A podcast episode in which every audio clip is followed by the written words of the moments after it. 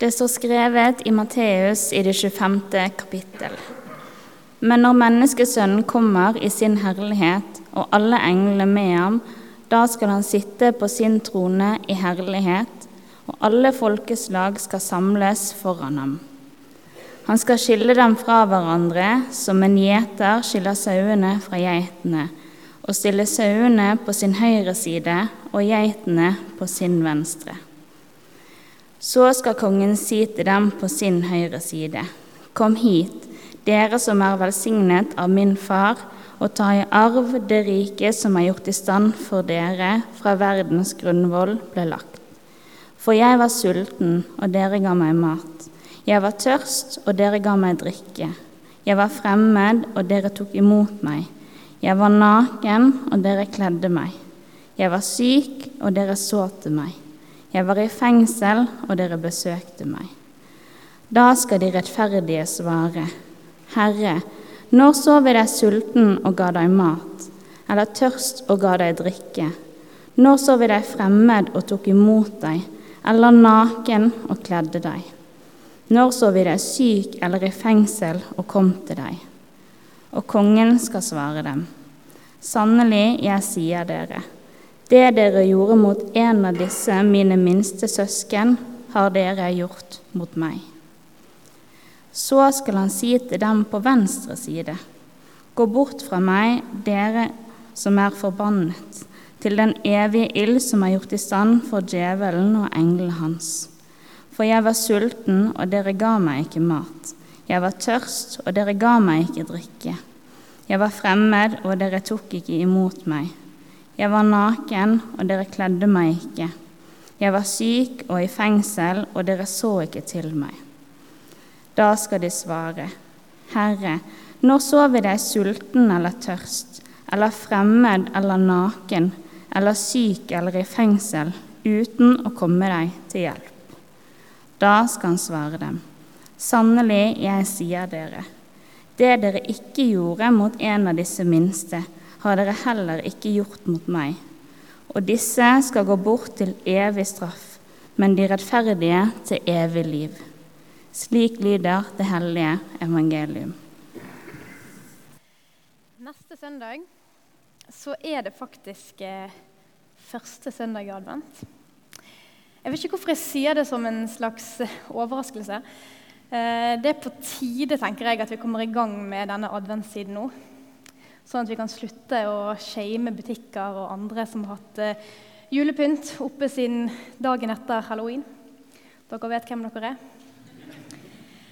Men før vi overgir oss helt til julekos og julebrus og lar oss pakke inn i pepperkakedeig mens Mariah Carey gjør sin greie, så skal vi bare først en liten tur innom det som så fint kalles for domssøndag.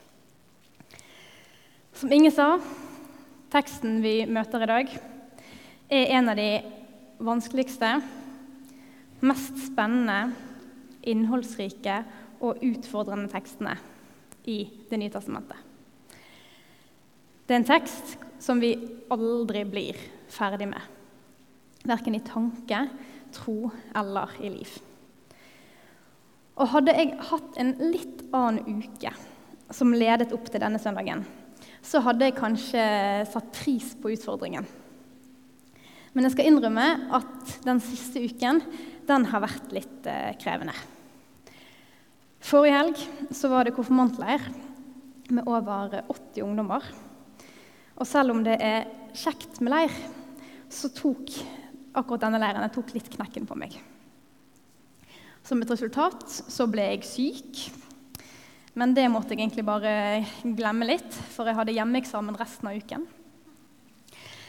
Så når jeg innimellom skulle prøve å tenke på noe lurt å si om Jesus som kommer igjen og skal skille sauene fra geitene, og de ene skal arve alt, mens de andre skal gå bort til den evige ild sammen med djevelen, så opplevde jeg bare å stange i veggen.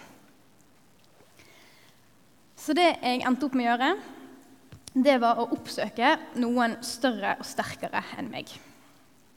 Andre prester som jeg visste skulle preke om denne teksten i dag, for å høre hva ved teksten som står fram for de.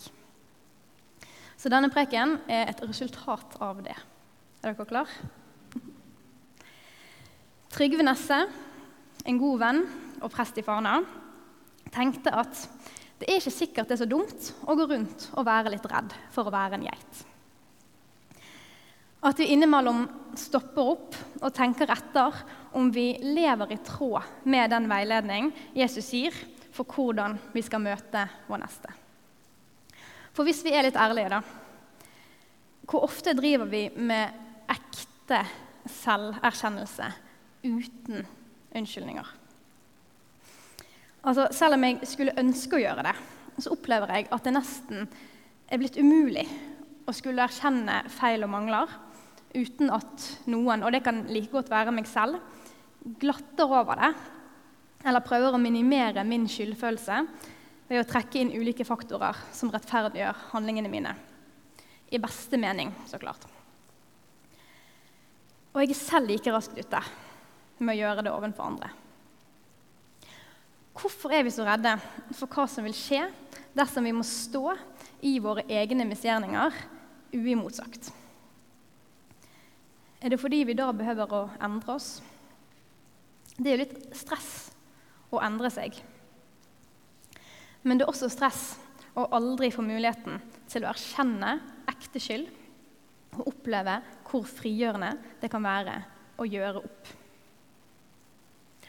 Sånn sett er dommen å ta mennesket på alvor, så vi kan få muligheten til å erkjenne det vi ikke fikk til i dette livet. Det er først da vi kan komme oss videre.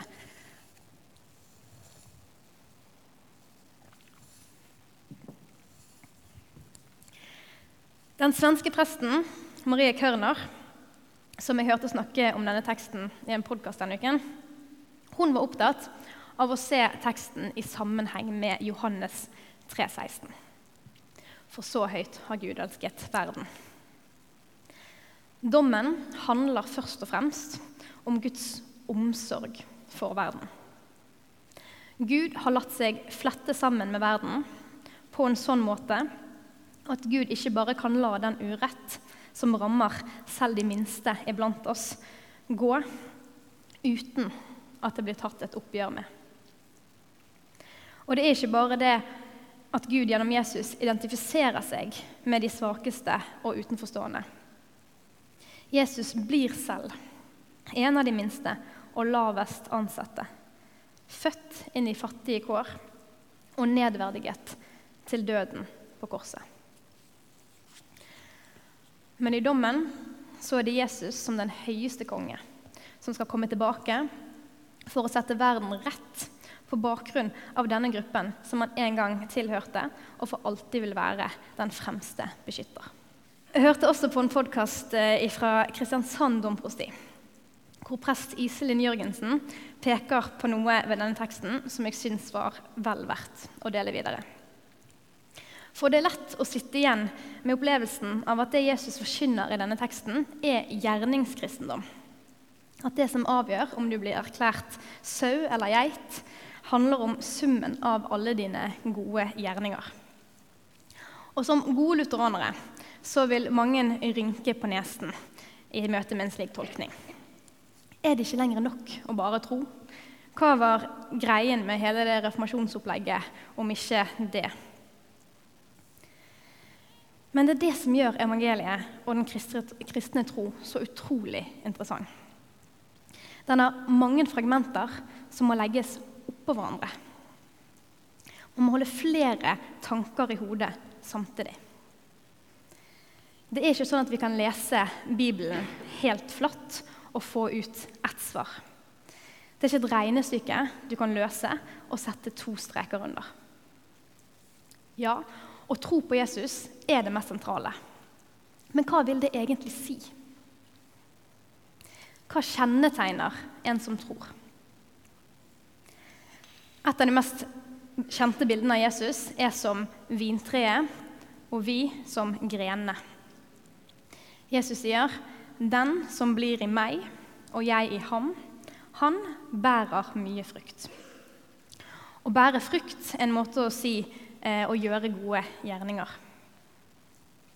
Hvis vi blir Jesus, tror på ham, så vil vi som en direkte konsekvens prøve å handle slik vi tror Jesus ville gjort. Ved en anledning så sier Paulus at vi skal la samme sinnelag som preget Jesus, prege oss. At det er en måte vi kan kjenne igjen andre kristne på. Angående hva dette sinnelaget består i, så sier han Gjør ikke noe av selvhevdelse og tom ærgjerrighet, men vær ydmyke og sett de andre høyere enn dere selv. På et annet tidspunkt går han så langt som å si at en tro uten gjerninger er en død tro. Jeg ringte også like gjerne til Hans Jørgen, sognepresten i Bergen domkirkemenighet. Han ble litt forundret da han skjønte at jeg ville høre tankene hans rundt søndagens tekst. Som oftest når jeg ringer til han, så er det fordi jeg må minne han om et eller annet han har glemt. Men deretter så nølte han ikke to sekunder før han eh, sa det han syns er selve omdreiningspunktet i denne teksten. Jesus spør ikke folkeslagene hva de har gjort galt, hvilken synder de har begått. Han spør dem hva de har gjort rett. Vi mennesker har en stygg vane med å holde frem når andre har tråkket feil, heller enn når de har gjort noe bra. I en konflikt sånn som den som utspiller seg i Gaza om dagen, er det mange som prøver å stemple en av partene som versting. Her i Norge har søkelyset denne uken vært rettet mot den mye omtalte dokumentaren om Bamsegutt på NRK. Når det viser seg at han de kaller bamsegutt, ikke var helt uten skyld, han heller, så skjer det en slags kollektiv, kognitiv forvirring. Vi vil så gjerne kunne kategorisere folk som enten sauer eller geiter. Sette oss i Jesus sin plass og sende folk til høyre og venstre på bakgrunn av det de har gjort feil. Men da glemmer vi to viktige sannheter som kommer frem når vi ser på evangeliene som helhet. Den første er at det ikke går et skille på hvem som er sau og hvem som er geit, mellom folk. Det skillet det går tvers igjennom hver enkelt av oss. Tenk på Simon Peter, som fordi han ble redd, nektet tre ganger for at han kjente Jesus. Heller enn å bli kastet ut, får han i oppdrag å føre Kirken videre. Den andre sannheten er enda mer kontroversiell. Du blir ikke mer rettferdig overfor Gud ved å la være å synde. Det finnes ingen dårlig handling så stor at han fratar deg din status hos Gud. Men det betyr ikke at du ikke samtidig har et ansvar overfor dine medmennesker. Nettopp fordi vi er satt fri ifra å frelse oss selv, så kan vi helhjertet møte hverandre med kjærlighet. Og når vi gjør det, så er det Jesus selv vi møter. Ære være Faderen, Sønnen og Den hellige ånd, som var, er og være skal. En sann Gud fra evighet til evighet. Amen.